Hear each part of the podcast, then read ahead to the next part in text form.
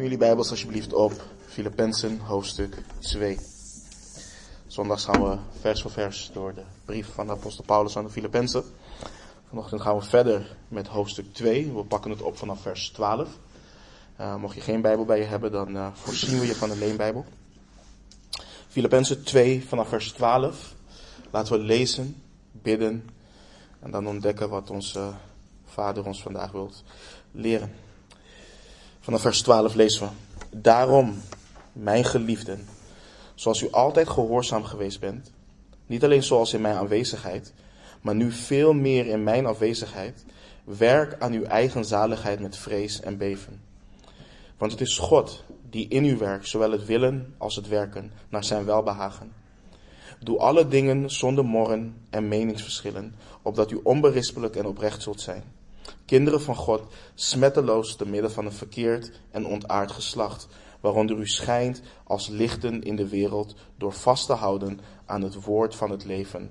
Mij tot roem met het oog op de dag van Christus, dat ik niet te vergeefs heb hard gelopen en mij ook niet te vergeefs heb ingespannen. Maar al word ik ook als een plengoffer uitgegoten over het offer en de bediening van uw geloof, ik verblijd mij en ik verblijd mij met u allen en u verblijdt zich ook daarover. Verblijd u dan met mij. Laten we bidden. Vader, uw woord is goed, het is heilig, het is rechtvaardig, het is waarachtig, Heer. En we bidden ook, Heer, voor het werk van uw geest, Heer, en dat uw woord in ons doet, waartoe u het zendt ook, Heer. Laat in ieder van ons groeien in ontzag voor u. Laat in ieder van ons groeien in liefde voor u en ook voor elkaar, Heer. Bewerkstellig de dingen die we hebben gelezen in onze harten. En neem iedere vorm van afleiding bij ons vandaan, Heer, opdat het woord niet weggeroofd wordt, maar dat het echt vruchtbaar grond mag landen en uh, vrucht mag dragen in ons leven. We houden van u en bidden en vragen in de naam van onze Heer Jezus. Amen. Ik hoop dat de afgelopen weken uh, net zo'n zegen zijn geweest voor jullie als, uh, als het voor mij uh, is geweest en is. Weet je, je kunt je op een gegeven moment kun je jezelf beginnen af te vragen. Weet je, als het relatief rustig is en je ziet en merkt dat de liefde onderling in de gemeente, dat het regeert. Zoals ik persoonlijk merk en het persoonlijk ook ervaar. Um, waarom is het dan nodig om zoveel bezig te zijn met het thema van eensgezindheid? Zijn er geen andere onderwerpen momenteel die, die dringender zijn om te behandelen? Kijk naar alles wat er om ons heen gebeurt. En het doet me denken aan wat de apostel Paulus onder andere schreef aan de Thessalonicensen, die met enorme verdrukkingen te maken hadden. En hij schreef het volgende in 1 Thessalonicensen 4, vanaf vers 9 tot en met 12 schreef hij wat nu de broederliefde betreft, hebt u het niet nodig dat ik u schrijf. Want u bent zelf door God onderwezen om elkaar lief te hebben. Want u doet dat ook ten opzichte van alle broeders die in heel Macedonië zijn. Wij roepen u er echter toe op, broeders, dat nog veel meer te doen. En er een eer in te stellen rustig te zijn en uw eigen zaken te behartigen en te werken met uw eigen handen, zoals wij u bevolen hebben opdat u op een gepaste wijze handelt ten opzichte van hen die buiten staan en niets nodig hebt. Dus als het gaat om broederliefde, dan, dan weten ze het al, schrijft Paulus. Ze zijn door God onderwezen om elkaar lief te hebben. Ze doen het al. Maar toch, toch roept de apostel Paulus ertoe op dat nog veel meer te doen. Want, broeders en zusters, wanneer er vermaning plaatsvindt, bijvoorbeeld in de gemeente, wanneer de een tegen de ander zondigt, ook al weten we dat God liefde is, ook al weten we dat we elkaar moeten verdragen, acht de Heilige Geest het nodig om de schrijvers continu te drijven, om te blijven herinneren aan die onderlinge liefde. Het is zo'n dominant thema in de schrift. Wat de gemeente bijeenhoudt wanneer er verdrukking, vervolging en of onrecht plaatsvindt, is de liefde van God die regeert. De zelfopofferende, onophoudelijke liefde van God. En dat is ook wat we hebben gezien door de afgelopen weken te duiken in de prachtige woorden van de apostel Paulus aan de Filippenzen. Denk terug aan de afgelopen twee weken. Twee thema's die de apostel aansneed. De vernedering van onze Heer Jezus Christus. Hij die in de gestalte van God was, die het niet als roof, roof beschouwd heeft aan God gelijk te zijn, maar zichzelf heeft ontledigd door de gestalte van een slaaf aan te nemen en aan de mensen gelijk te worden. De Allerhoogste. De Heere heeft niet vastgehouden aan zijn heerlijkheid, maar heeft het afgelegd en heeft hier in gehoorzaamheid aan de Vader gewandeld. De Vader waarmee hij deelde in eer en glorie voordat de wereld bestond. En hij gehoorzaamde de Vader als mens tot de dood. Paulus schrijft ja tot de kruisdood. Hij heeft ons vrijgekocht van onze zinloze levenswandel. En ook zo moeten wij niet vasthouden aan ons recht. Ook zo moeten wij niets uit eigen belang of eigen dunk doen onderling. Wij dienen onze broeders en zusters voortreffelijker te achten dan onszelf, belangrijker dan onszelf. En broeders en zusters, dit is geen utopie. Dit is niet iets wat een mooi streven is, maar volstrekt onhaalbaar. Nee, als wij ons onderschikken aan de geest, als wij wandelen in gehoorzaamheid naar het voorbeeld van onze Heer Jezus Christus, dan zal dit in ons bewerkstelligd worden. Dat we het hart van een dienaar hebben richting elkaar. Niemand zal heersen over de ander binnen de gemeente, maar juist oog hebben voor wat van de ander is. En dat dit zo mag zijn hier in de gemeente tot eer en glorie van onze God. Paulus stond stil bij nog een thema, de verhoging van onze Heer Jezus Christus. God heeft hem bovenmate verhoogd en heeft hem een naam boven alle naam geschonken. Met als resultaat dat elke knie zal buigen, geen uitzondering. Elke knie van hen die in de hemel en die op de aarde en die onder de aarde zijn en elke tong zal beleiden dat Jezus Christus de Heere is tot heerlijkheid van God de Vader. En zoals we vorige week hebben gezien, schrijft de apostel Paulus dit in het licht van het thema eensgezindheid. Dat is het punt wat hij continu aan het maken is. Wil je het evangelie van Christus waardig wandelen als gemeente? Wees eensgezind. En dit is hoe. Maar de apostel is nog niet klaar met zijn punt. En we hebben zojuist gelezen en gezien uh, in onze tekst van vanmorgen. En laten we dat gaan ontleden. Um, wat de geest duidelijk wilt maken door deze woorden heen. Vers 12 en 13. Daarom, mijn geliefde, zoals u altijd gehoorzaam geweest bent, niet alleen zoals in mijn aanwezigheid, maar nu veel meer in mijn afwezigheid, werk aan uw eigen zaligheid met vrees en beven, want het is God die in u werkt, zowel het willen als het werken naar zijn welbehagen. Als het goed is weten jullie nog in het eerste hoofdstuk dat de apostel Paulus schreef dat hij naar hen verlangt met de innige gevoelens van Jezus Christus.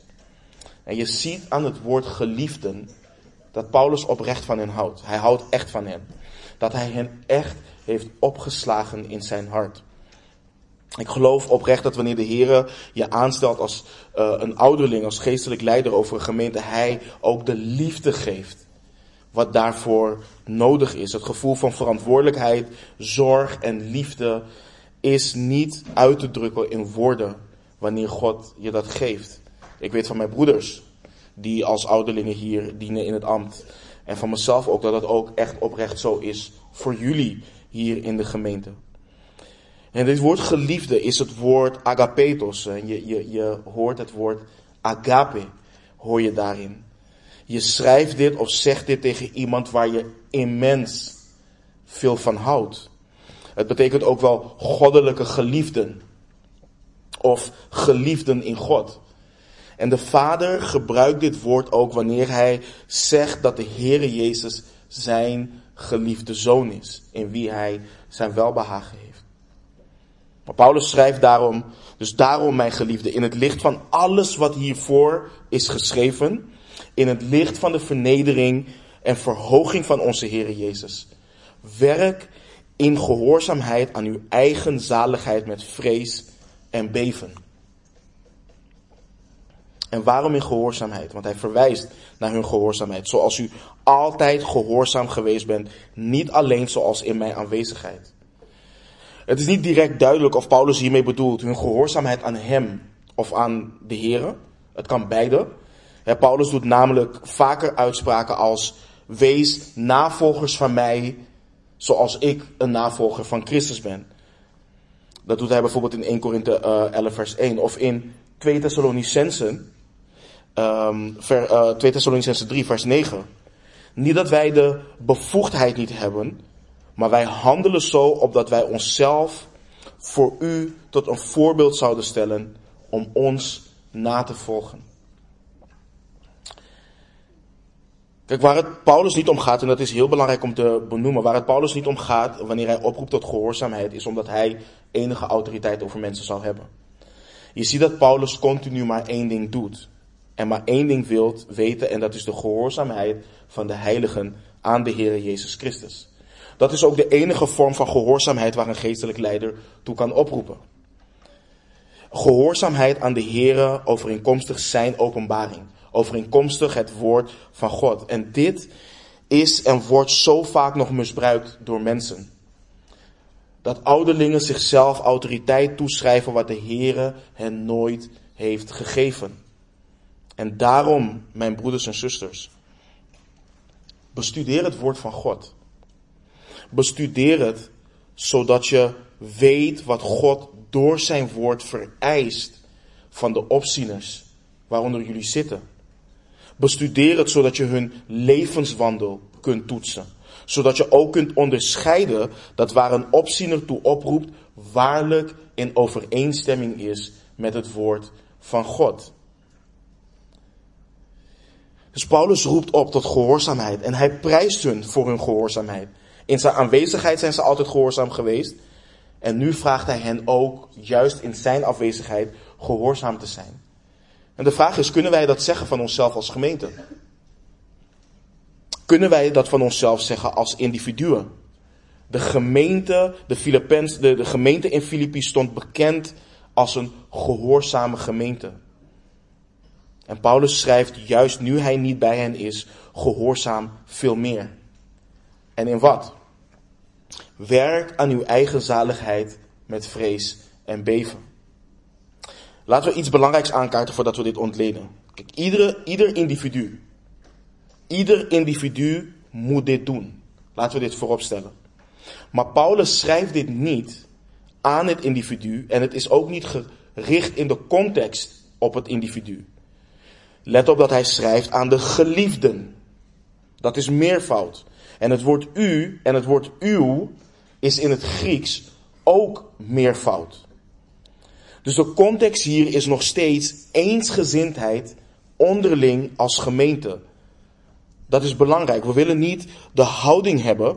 Ik werk aan mijn zaligheid en zorg dat het met mij goed is. En de rest die moet doen wat hij zelf wil. Nee, nee. Dat is niet wat we willen.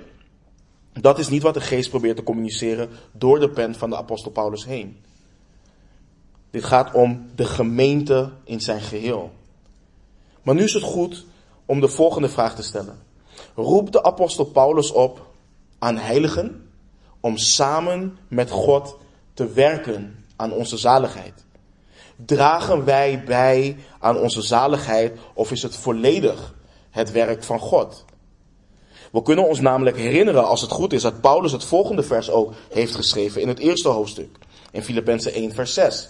Ik vertrouw erop dat Hij die in u een goed werk begonnen is, dat voltooien zal tot op de dag van Jezus Christus. We weten ook dat de apostel Paulus in Efeze 2, versen 8 en 9 het volgende schrijft. Want uit genade bent u zalig geworden door het geloof en dat niet uit u.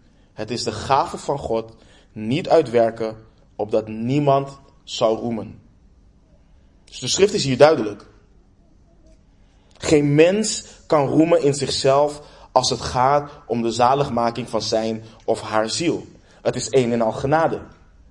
God is dat werk begonnen en hij maakt dat werk af. Christus zei aan het kruis, het is volbracht.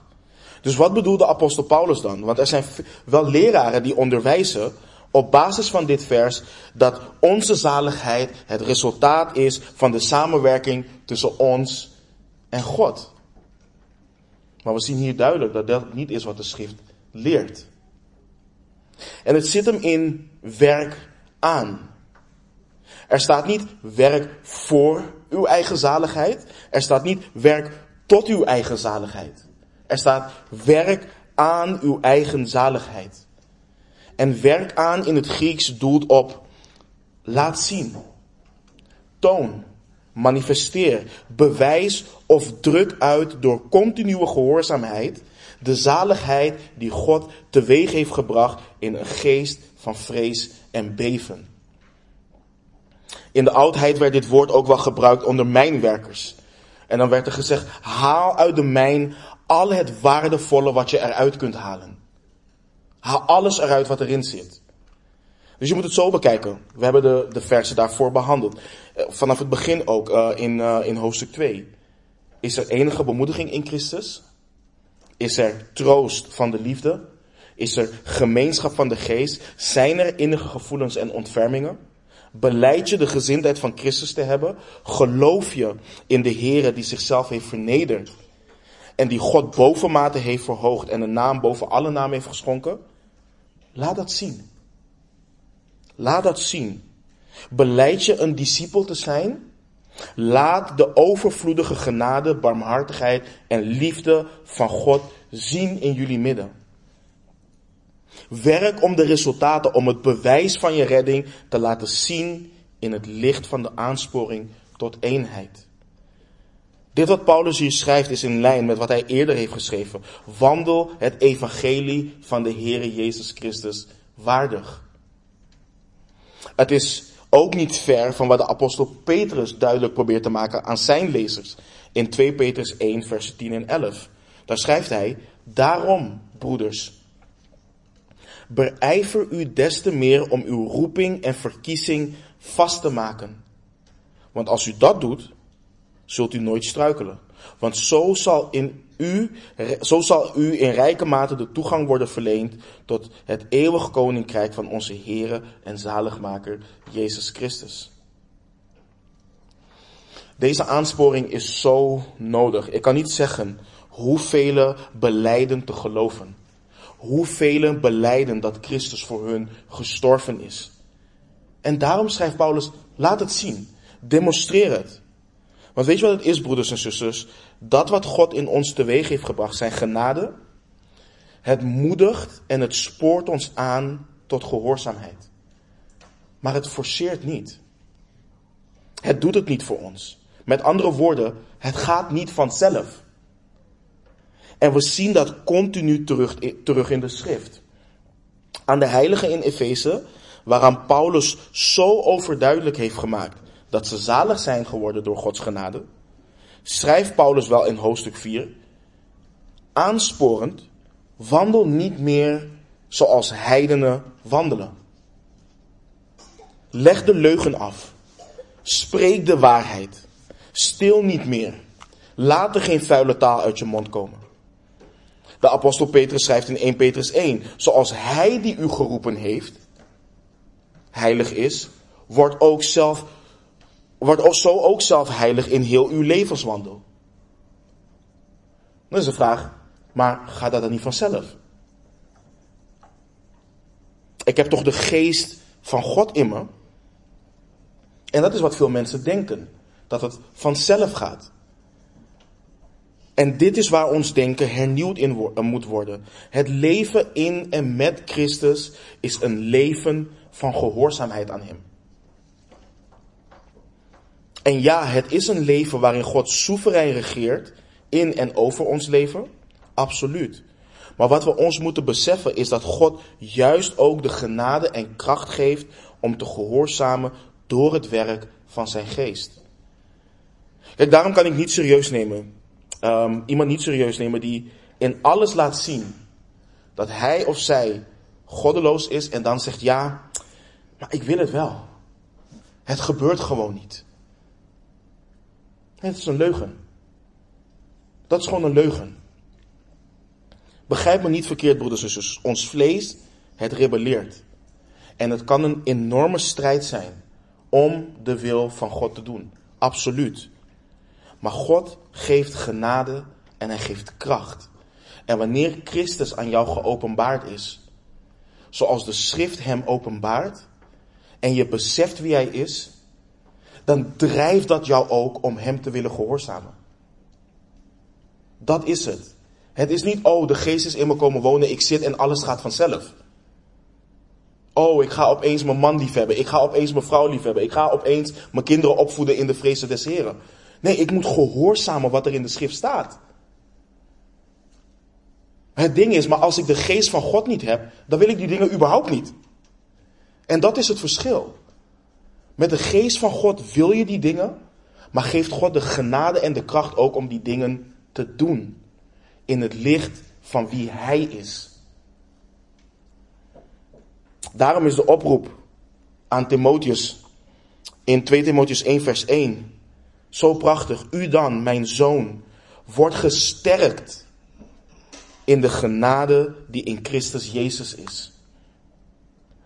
De genade van onze Heer Jezus Christus geeft ons zoveel kracht om ons te onderschikken aan de geest die gegeven is om Hem te verheerlijken. Om heilig te wandelen, om liefdevol te zijn en te, en te handelen. En dat is het ook in het kader van eensgezindheid. Wij moeten ons actief ertoe zetten om elkaar lief te hebben. Wij moeten ons er actief toe zetten om elkaar te dienen in nederigheid. Om onszelf niet belangrijker te vinden dan de ander. Dat is waar de apostel Paulus het over heeft. Paulus maakt hen duidelijk dat ze hun verantwoordelijkheid moeten nemen. En in het licht van wat we behandelen, jullie allen, jullie heiligen in Filippi, neem jullie verantwoordelijkheid. Vervul jullie plicht en laat zien, laat het zichtbaar zijn dat jullie als gemeente de gezindheid hebben die in Christus Jezus was. Laat het zichtbaar zijn in jullie onderlinge relatie door eensgezind te zijn dat jullie werkelijk zalig gemaakt zijn. Dat Gods genade werkzaam is onder jullie. En Paulus bemoedigt hen in vers 13, en dat is voor ons ook heel belangrijk, want aan de andere kant kun je dan gaan denken, hé, hey, ik ga keihard rennen. Maar Paulus bemoedigt hen door hen te herinneren in vers 13, want het is God die in u werkt zowel het willen als het werken naar zijn welbehagen. Gods genade zal hen helpen om zijn wil te doen, om zijn wil te willen doen en om het daadwerkelijk te doen. Hij wakkert het vuur in hun aan en geeft hen het verlangen om te leven naar zijn wil. Wat wil je nog meer? Kun je je voorstellen? God geeft een bevel of een gebod wat menselijk gezien onmogelijk is. Verneder jezelf. Vind jezelf niet belangrijk. Maar acht de ander belangrijker dan jezelf. Doe niets uit eigen belang. Doe niets uit eigen dunk. Alles in ons gevallen vlees schreeuwt om vleeselijke gerechtigheid wanneer er iets plaatsvindt wanneer, we het niet leuk, wat we niet leuk vinden. Alles in ons vlees. Ja, ik zal je laten zien dat jij hebt gezondigd tegen mij. En je zult je excuses aanbieden. En je zult vergeving vragen. Of de silent treatment. Ik ben niet boos. Maar ik negeer je wel. Alles in ons vlees doet dat. En God vraagt ons dus om deze dingen te doen. Maar wanneer je gegrepen bent door de genade van God, wanneer zijn geest in je woont en je continu gewezen wordt op de gezindheid die in Christus Jezus was, op wie de Heere Jezus is en wat hij gedaan heeft, dan krijg je het verlangen, omdat je van hem houdt en omdat je hem wilt behagen in geloof, om hem te gehoorzamen en laten zien, omwille van hem, dat zijn genade werkzaam is in jouw leven. Hij geeft de kracht om dat te doen. En dat is, dat is ook zo'n verschil. Volgens mij, velen van jullie die met ongelovigen praten, krijgen de vraag wel eens: ja, maar mag je nu dit niet meer? Mag je nu dat niet meer? Omdat je gelooft, uh, doe je dit niet meer of doe je dat niet meer? En dan probeer je mensen uit te leggen: het is niet dat het niet meer mag. Ja, de schrift spreekt daar duidelijk over. Maar er leeft nu in mij een verlangen om die dingen niet meer te doen, maar juist om de dingen te doen van God. En dat is niet omdat jij dat zelf hebt bewerkstelligd. Dat is omdat de geest van God in je woont en omdat de geest van God jou het verlangen geeft om te verlangen naar de dingen van Hem. Dat is het verschil. Dat is het verschil. En Hij geeft ook nog, ook nog eens de kracht om dat te doen. Hij geeft je de kracht om Hem te gehoorzamen. En broeders en zusters, dat we waarlijk verenigd in en met Christus mogen zijn door het werk van Hem aan het kruis. En dat we waarlijk vrijgekocht mogen zijn en levend gemaakt mogen zijn met Hem. Dat we wandelen door de genade en barmhartigheid die Hij iedere dag overvloedig wilt schenken. Want lieve mensen, nogmaals, dit is niet mogelijk als je niet uit God geboren bent. Het gaat niet gebeuren als je niet uit God geboren bent. Ik kan je niet zeggen dat er mensen zijn die bijvoorbeeld, uh, je hebt een wedergeboren broeder of zuster. Dan leren ze iemand kennen die ongelovig is. En dan pappen ze met die persoon aan. En die persoon zegt dan, ja nee maar, ik wil het wel. Voor jou ga ik dit doen. Voor jou ga ik naar de kerk. Voor jou ga ik de Bijbel lezen. Voor jou doe ik dit. Het gaat niet gebeuren. Er komt een punt dat die persoon keihard afhaakt. Waarom? Omdat de geest niet in die persoon woont en het verlangen niet heeft gegeven om God te gehoorzamen. Want in ons vlees willen we God niet gehoorzamen. In ons vlees willen we dat niet. Dus we moeten uit God geboren zijn.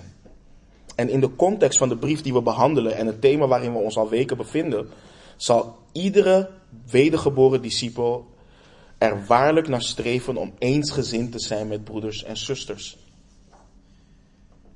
Iedere wedergeboren discipel zal er naar streven om met de gezindheid die in Christus Jezus was, de ander te dienen. En daarom is de context en daarom is het thema van liefde zo belangrijk. Er zijn aan de universiteiten, aan de universiteiten geven moslims christelijke theologie. Ieder persoon kan zich hard maken en leren wat er in de Bijbel staat. Maar waaraan je iemand ziet die wedergeboren is, is de liefde van God. Het verlangen ook wat er is naar God, maar ook het verlangen is wat er is naar hen die van God zijn. Dat kun je niet faken. Dat kun je niet faken. Let ook op, uh, let ook op wat er staat in vers 12. Even terug naar vers 12. Met welke gezindheid uh, dit gedaan dient te worden. Met vrees en beven. Paulus heeft het hier niet over een constante angst waarin discipelen dienen te leven. Ik geloof ook niet dat Paulus het hier heeft over een vrees tot verdoemenis. Want hij schrijft aan hen in, in Rome, in Romeinen 8, dat er geen verdoemenis is voor hen die in Christus zijn. Ik geloof dat Paulus het hier heeft over ontzag. Ontzag voor wie onze Here is. Omdat het God is die werkzaam is in mij, dien ik, dien ik dit in ontzag te doen. Ik moet bewust zijn van mijn eigen zwakheid en beseffen dat het God is die werkzaam is in mij en daarom ook ontzag hebben voor hem. Let ook op wat Paulus schrijft aan de Corinthiërs in 2 Korinthe 7 vers 1.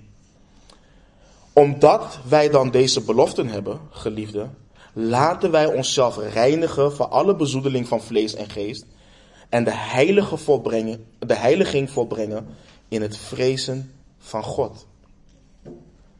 Dus je ziet hier, ondanks dat we zalig zijn gemaakt door Gods genade, nee, beter gezegd, juist door onze zaligmaking, juist omdat we kinderen zijn van Hem, juist omdat we verzoend zijn met Hem en Hij niet meer aan onze zonde denkt, juist omdat Hij zoveel belooft, dienen we te werken aan onze zaligheid met vrees en beven. Dit hoort onze gezindheid jegens onze zaligmaker te veranderen.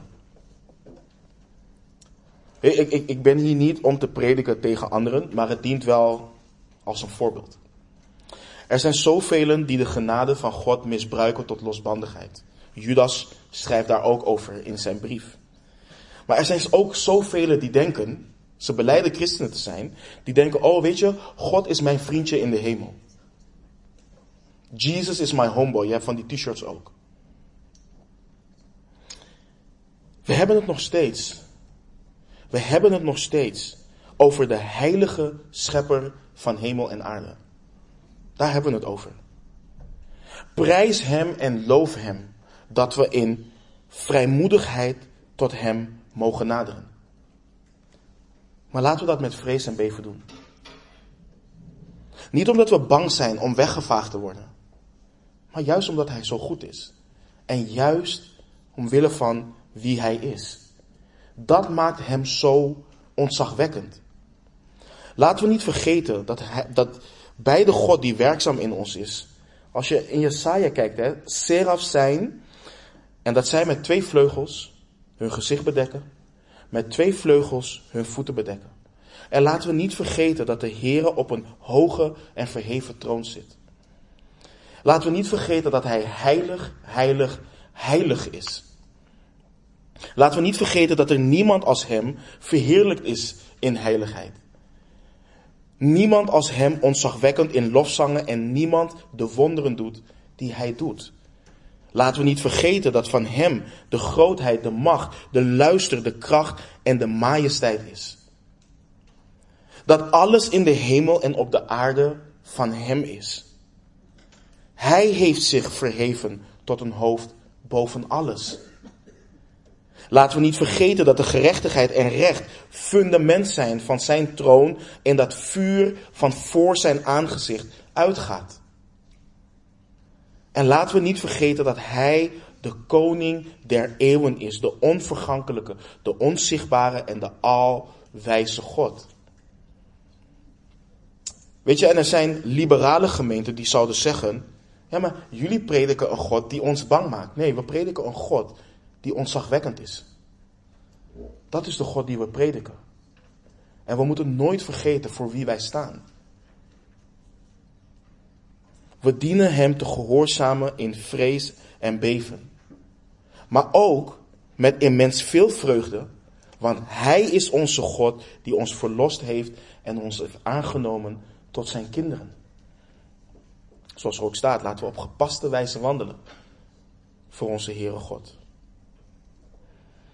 Let op dat God dit alles in ons doet naar zijn welbehagen. Het is ook prachtig om te zien en om te beseffen dat alles wat God doet goed is, maar dat hij het doet naar zijn welbehagen. Het behaagt hem om dat in ons te doen. In Efeze 1 leren we bijvoorbeeld hoe God ons heeft voorbestemd om als zijn kinderen aangenomen te worden door Jezus Christus in zichzelf overeenkomstig het welbehagen van zijn wil. En ook naar zijn welbehagen heeft hij ons zijn wil bekendgemaakt. Het behaagt hem dus immens om in ons het willen en het werken te doen opdat wij liefde voor elkaar zouden hebben. Dat we eensgezind zouden zijn. Kijk, soms kunnen we denken, ja, ik moet dit doen van God en daarom doe ik het. En we gehoorzamen God ook omdat Hij God is. Maar hoe vaak staan we erbij stil? Dat het God behaagt, dat wat Hij in ons midden doet, om ons een liefdevol en dienend hart jegens elkaar te, te geven. Hij doet het omdat het Hem behaagt. Dat wanneer ik mijn broeder of zuster hoger acht dan mezelf, het God daadwerkelijk behaagt. Dat het naar zijn wil is. Dus het is niet, oh, laten we het goed met elkaar maken of laten we elkaar vergeven opdat het ons blij maakt. Nee, nee, laten we het ook vooral doen omdat God zijn welbehagen hierin heeft. Hoe vaak vragen wij onszelf wel niet, wel niet af. Heer, wat kan ik naar uw wil doen? Heer, wat kan ik doen om u te behagen? Nou, dit. Heb elkaar lief. Het behaagt God als hij ziet dat zijn kinderen in eenheid, in eensgezindheid elkaar in nederigheid dienen. Dat behaagt hem. Apostel Paulus gaat verder met een specifiekere, oftewel een concre concretere aansporing. Vers 14 tot en met 16. Hij schrijft, doe alle dingen zonder morren en meningsverschillen. Opdat u onberispelijk en oprecht zult zijn, kinderen van God, smetteloos te midden van een verkeerd en ontaard geslacht, waaronder u schijnt als lichten in de wereld. Door vast te houden aan het woord van het leven, mij tot roem, met het oog op de dag van Christus, dat ik niet te vergeefs heb hardgelopen en mij ook niet te vergeefs heb ingespannen. Wat zegt Paulus concreet? Hij zegt, stop met klagen en ruzie maken onderling. En laat me gebruik maken van het moment. Lieve kinderen, broers en zussen, neefjes en nichtjes. Stop met klagen.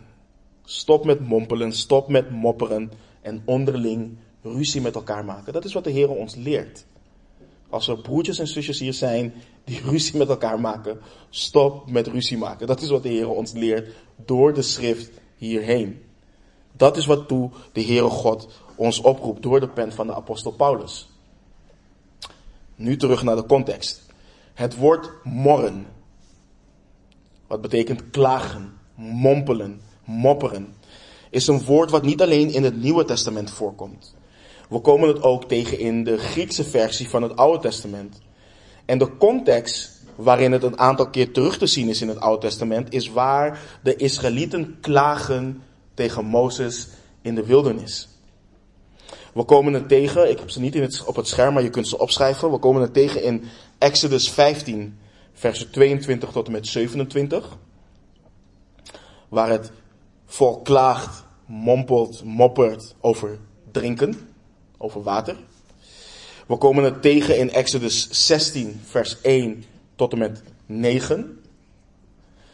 En we komen het ook tegen in Nummerie hoofdstuk 11. Je hebt sommigen die zeggen dat Paulus dit schrijft omdat de gemeente zou klagen tegen de ouderlingen en diakenen. De tekst laat niet zien dat dat is wat daadwerkelijk gebeurde.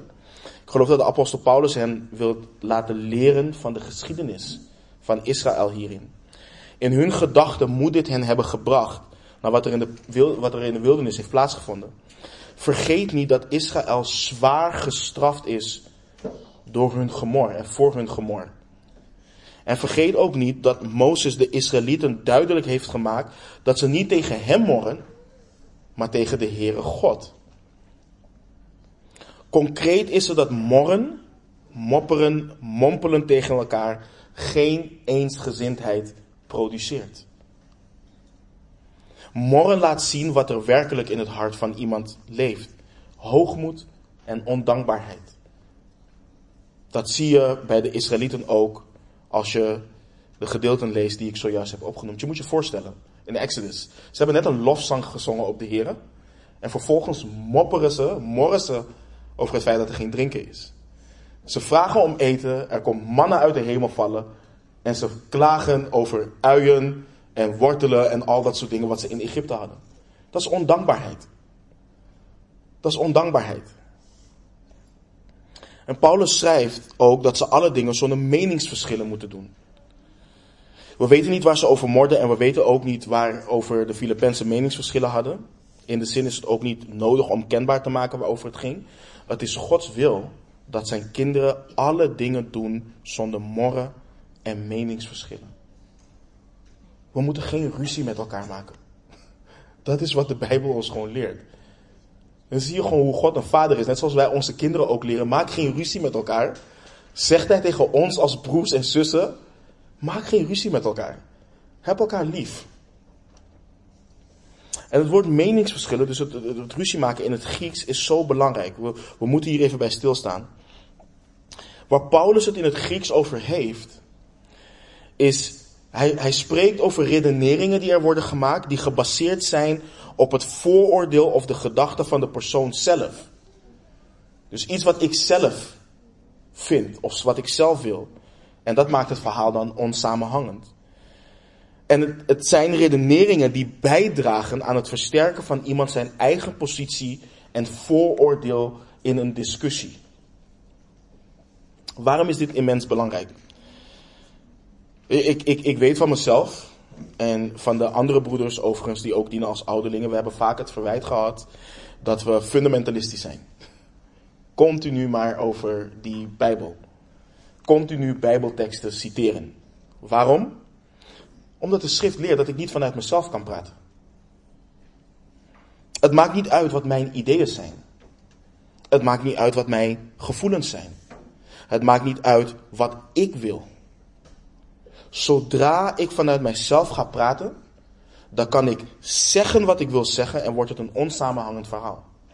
Zodra ik praat vanuit mijzelf, kan ik alles zeggen zodat ik bij mijn vooringenomen gedachten blijf. En dat is dus wat God niet wil. Dat is wat Hij niet wil. Wat God wil dat wij doen, dat moeten we doen zonder morren en zonder meningsverschil. We moeten God zonder morren en meningsverschillen het willen en het werken onder ons laten doen. Degenen die morren, degenen die ruzie maken en daarin blijven aanhouden, zijn ongehoorzaam aan de Heer Jezus Christus en zijn evangelie.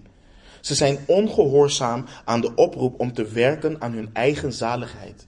Ze belemmeren de liefde in de gemeente. Ze belemmeren het werk van God en ze zullen daar aan Hem verantwoording voor moeten afdragen. Een belangrijke implicatie hierin is dit. We dienen mensen van het woord te zijn. We dienen mensen van het woord te zijn. Wat wij zeggen, wanneer wij met elkaar een gesprek aangaan, het dient allemaal gefundeerd te zijn op Christus en zijn evangelie. Het dient, het dient gefundeerd te zijn op het woord van God. Anders hebben we geen basis. Anders is het jouw mening tegen mijn mening. En degene die het hart zijn mening weet door te drukken, die wint. Maar in het koninkrijk van God hoort het niet zo te zijn. God is de rechter. Hij heerst. Hij regeert. Hij spreekt. Hij wil eensgezindheid onder ons, omdat het hem behaagt. En daarom, soms zie je ook, hè, wanneer wij aangesproken worden op hoe wij wandelen in de Heer Jezus Christus, dan kunnen we het niet zo goed hebben, terwijl iemand het misschien volledig gefundeerd brengt op het woord. Dan denken we, nee, maar ik vind dit. Maar het gaat niet om wat je vindt. Dat wat wij vinden, dat is wat ruzie, dat, dat is wat ruzie produceert. Dat is wat ruzie produceert. Maar als ik in nederigheid naar de schrift ga en ik zie, hé, hey, wacht eens even. Mijn broeder of mijn zuster heeft gewoon gelijk. Ik ben hoogmoedig. Ik ben hebzuchtig. Ik maak me schuldig aan afgoderij. Ik heb mijn man, mijn vrouw, mijn kinderen, ik heb ze niet lief. Ik moet me bekeren. Dan zal God daardoor verheerlijkt worden. En dan zal het ook ons meer en dichter naar elkaar toe brengen. Omdat ik inzie dat mijn broeder of mijn zuster vanuit liefde voor God en liefde voor mij spreekt. En God daarin wil verheerlijken. Maar als ik hoogmoedig ben en ik zoiets heb van ja, maar ik doe wat ik zelf wil. En dit is mijn mening. Ja, jij vindt dit. Ja, de schrift zegt dit. Maar dan gaan we ruzie met elkaar krijgen. Want dan is ons vlees aan het regeren. Als we mopperen over een broeder of zuster die we niet leuk vinden, of om een beproeving die we doormaken, dan zeggen we eigenlijk ook: God, u bent, eigenlijk bent u niet zo goed bezig in mijn leven. U weet eigenlijk niet wat u aan het doen bent. Waarom bevind ik me hier in deze wildernis? Waarom hebben we geen water? Waarom dit? Waarom dat? Morren en meningsverschillen bezoedelen de eer van God. Dat is wat we moeten beseffen. Want let op wat Paulus schrijft, wat het resultaat is wanneer we alles doen zonder morren en meningsverschillen. Vers 15. Opdat u onberispelijk en oprecht zult zijn, kinderen van God, smetteloos te midden van een verkeerd en ontaard geslacht, waaronder u schijnt als lichten in de wereld. Discipelen die alles doen zonder morren en meningsverschillen, zullen onberispelijk zijn, zuiver, onbevlekt, onvermengd met de wereld. Het is een waar getuigenis voor de wereld. Vergeet niet, Filippi was toegewijd aan hun Romeinse keizer. Hun keizer was hun heer. Maar ze waren, zoals Paulus schrijft, een verkeerd en ontaard geslacht. Moreel gezien waren ze verdraaid, corrupt, ontwricht. Onaanvaardbaar voor God. En dit is niet de mening van de apostel Paulus, want dat is ook goed om te begrijpen.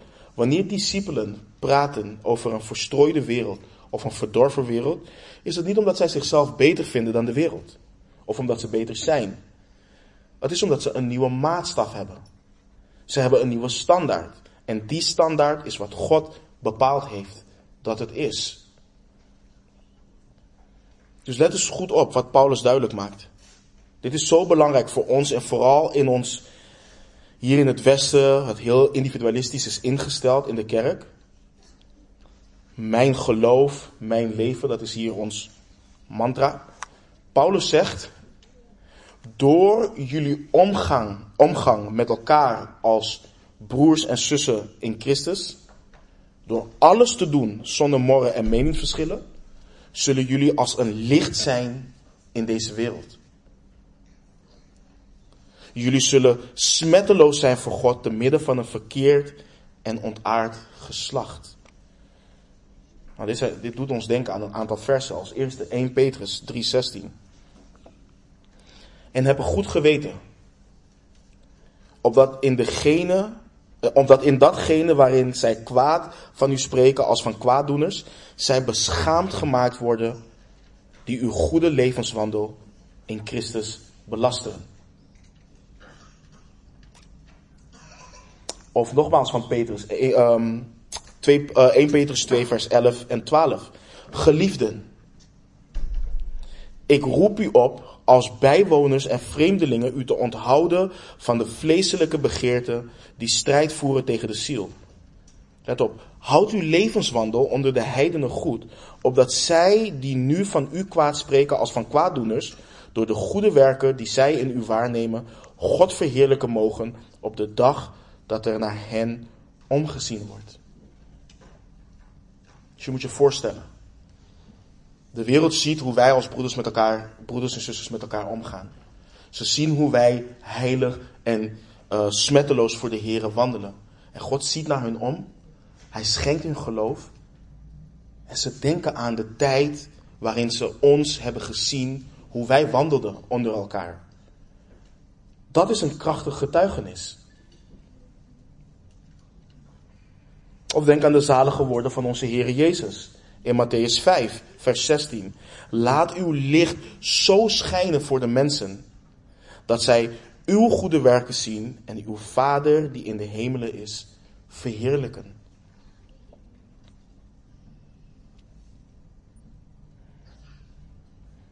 Paulus hint overigens in het Grieks, in onze tekst in het Grieks, naar wat we in Daniel 12 lezen, Daniel 12 vers 3.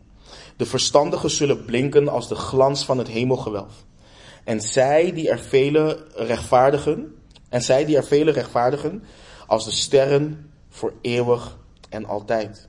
Dus, lieve broeders en zusters, discipelen die in nederige harmonie, in vrede met elkaar leven zoals het hoort, anderen belangrijker vinden dan zichzelf, schijnen het licht van onze God als sterren aan de hemel in het donkere, ontwrichte en corrupte wereld. Weet je, we kunnen zo snel geneigd uh, zijn te denken dat de manier waarop we omgaan met onze broeders en zusters in Christus een kleine kwestie is. Dat we het recht hebben om te mopperen, klagen, onze mening richting elkaar te ventileren. Ook al is het maar mijn mening, heeft het niets met het woord van God te maken. Weet je, was iemand die ooit zei: Het is soms oké om een kritische geest te hebben. Om te zeggen wat anderen denken, maar, niet, maar misschien niet durven te zeggen. Maar nergens leert het woord ons deze dingen. Paulus laat juist zien dat deze houding de eenheid, de liefde, de vreugde van de gemeente in gevaar brengt. En er is een verschil hè, tussen een kritische en onderscheidende geest. Er is een verschil. Het hindert het werk van God. En het bezoedelt de reputatie van Gods werk. heb het al vaker gezegd. Mensen die niet geloven in God, mensen die niet geloven dat de Bijbel het woord van God is, maar weten dat wij discipelen zijn, die verwachten wel dat we leven volgens het boek. En hoe vaak hoor je ongelovigen, ook wel als je wel eens kijkt op een artikel online of wat dan ook, hoe vaak zie je wel met de commentaren dat ze schrijven, en dat zijn christenen, kijk hoe ze ruzie met elkaar maken. Laat gewoon zien, dat boek heeft totaal geen kracht in hun leven. Dat is waar, waar, waarvan het getuigt in hun ogen. Terwijl als wij elkaar lief hebben, als wij elkaar dienen, op zelfopofferende wijze, dan laten we waarlijk zien dat we wandelen zoals Hij heeft gewandeld. En dit is in de context van de gemeente, maar voor ons ook belangrijk in hoe we met elkaar omgaan als man en vrouw als we ergens komen.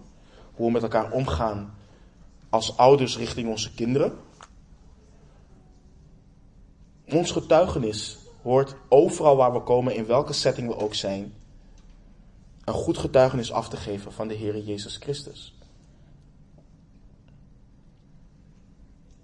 We moeten schijnen als lichten in de wereld door vast te houden aan het woord van het leven. Het evangelie van onze Heer Jezus Christus, het woord van God. Let op hoe prachtig de apostel Paulus dat verwoordt. Het woord van het leven. Wat een zegen is dit. Dit boek is niet simpelweg een boek met religieuze leerstellingen. Dit boek is niet, bevat niet simpelweg historische feiten. Dit boek is niet een filosofische waarheid. Het is niet een politieke ideologie. Dit is niet simpelweg een prachtig moreel kompas. Dit boek is het woord van God wat leven geeft. Het geeft leven omdat Hij de God van het leven is. De, de, de, de preken die we zien van Petrus, van Paulus in handelingen, dat zijn niet hun eigen woorden. Ze prediken het woord van God. En mensen worden diep geraakt in hun hart. En 3000 komen er tot geloof. Het geeft leven. Het verlost de ziel. Het verlicht de ziel. Let op wat de Heer Jezus zei in Johannes 6, vers 63. De geest is het die levend maakt. Het vlees heeft geen enkel nut. De woorden die ik tot u spreek zijn geest en zijn leven. En let op wat Petrus verderop zei wanneer Vele van de beleidende discipelen de Heer Jezus hebben verlaten. En de Heer Jezus vraagt op een gegeven moment: Willen jullie soms ook weggaan? Simon Petrus antwoordde: Heer, naar wie zullen wij heen gaan? U hebt woorden van eeuwig leven.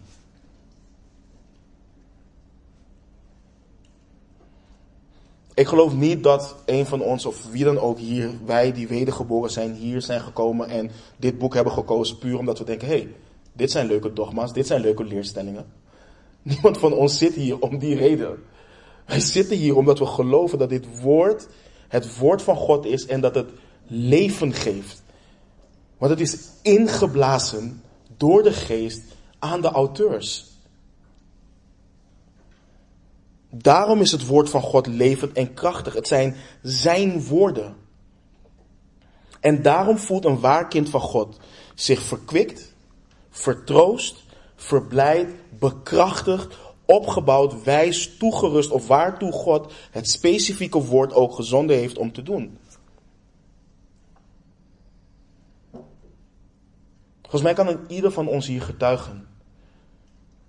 Dat we misschien een ellendige week hebben gehad of een ellendige dag helemaal te neergeslagen. En je opent de psalmen en het lijkt alsof je letterlijk voor de voeten van de Heere God zit. En hij spreekt woorden van vertroosting tot jouw ziel. En je bent ellendig, dus jij kan dat gevoel niet vanzelf teweeg brengen. Je kan het niet zelf opbrengen. Nee, het is Gods levend woord. En daarom, broeders en zusters, lieve mensen, wanneer je tot het woord van God nadert, nader niet simpelweg voor kennis, en er is niets mis met kennis. Nader niet simpelweg voor doctrine, en er is niets mis met doctrine. Nader voor die dingen, maar nader vooral omdat het leven geeft. We dienen een God die leeft in alle eeuwigheid. Het is het woord van het leven en laten we daaraan vasthouden. En het vasthouden aan het woord van het leven geeft Paulus blijdschap. Het geeft reden om te verheugen op de dag van de Heer Jezus Christus. Op de dag dat hij terugkomt. En het zal hem bevestigen dat al het werk onder de Filippenzen niet voor niets zou zijn geweest. Versen 17 en 18. Maar al word ik ook als een plengoffer uitgegoten over, over het offer en de bediening van uw geloof. Ik verblijd mij en ik verblijd mij met u allen. En u verblijdt zich ook daarover. Verblijd u dan met mij. De apostel Paulus kon zijn leven met vreugde als een uh, plengoffer uitgegoten laten worden, omdat zijn focus gericht was op de dag van Christus. Een plengoffer was een vloeibaar offer, vaak wijn, soms water en soms zelfs honing. Uh, de heidenen gebruikten vaak ook bloed als een plengoffer. En met dit offer werd aangetoond dat jouw God belangrijker was dan jij. Of dat alleen jouw God alle eer toekwam voor de zegen die je hebt ontvangen. En deze versen laten zien hoe het dienen van de Here um, voor enorme verdrukking en vervolging kan zorgen. Maar wat het dienen van Christus ook maar teweeg brengt, je ziet dat de apostel Paulus zich daarover verblijdt. En niet alleen dat, hij vraagt hen om zich ook te verblijden met hen. Met hem. Zijn leven gegeven voor de bediening in het leven van onder andere de Filippenzen is wat onze Heere Jezus Christus eer en glorie bracht. Dat is hoe de apostel Paulus naar zijn eigen leven keek. En wat een contrast is dat met wat we tegenwoordig vaak zien. Tegenwoordig willen we Gods zegen niet zien in het feit dat wij ons leven geven voor het evangelie.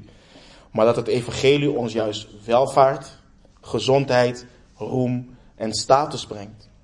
En Paulus zegt juist het tegenovergestelde. En hij roept hen juist daarop, uh, daarin op te verblijden. En broeders en zusters, als wij onze God willen verheerlijken, als we ons waarlijk willen verblijden in Hem, als we willen schijnen als lichten te midden van deze ontwrichte, corrupte, donkere en goddeloze wereld, laten we dan alle dingen doen zonder morren en meningsverschillen. Laten we werken aan onze zaligheid met vrees en beven. Laten we gehoor geven. En ons verblijden in de genade die we ontvangen hebben in het feit dat God niet alleen het willen in ons doet, maar ook het werken. En laten we samen vasthouden aan het woord van het leven tot eer en glorie van onze Heer Jezus Christus. Amen. Laten we bidden. Vader, Machtige schepper van hemel en aarde, we danken u dat u zo goed bent. Heer, u bent Alpha en Omega. U regeert in ons midden. En zoals we hebben gelezen, Heer, we loven en we prijzen uw naam, Heer, want u doet het willen en het werken in ons, Heer. We bidden ook, Heer, dat u ons daarin helpt als gemeente om te werken aan onze zaligheid met vrees en beven. Vader, laat deze woorden regeren in ons hart. Laat de liefde regeren in deze gemeente. En laat het zo zijn, Heer, dat we als lichten, als sterren aan de hemel schijnen in deze wereld. Dat mensen mogen zien, Heer, dat er hoop is. Omdat u een God van hoop bent. En dat er leven is in onze Heer Jezus Christus. Omdat u de God van het leven bent, Heer. U bent de levende God en we houden van u. Heer, laat dit woord niet ledig terugkeren, maar laat het doen waartoe u het gezonden hebt. En dat we mogen groeien in eensgezindheid als broeders en zusters, als uw kinderen.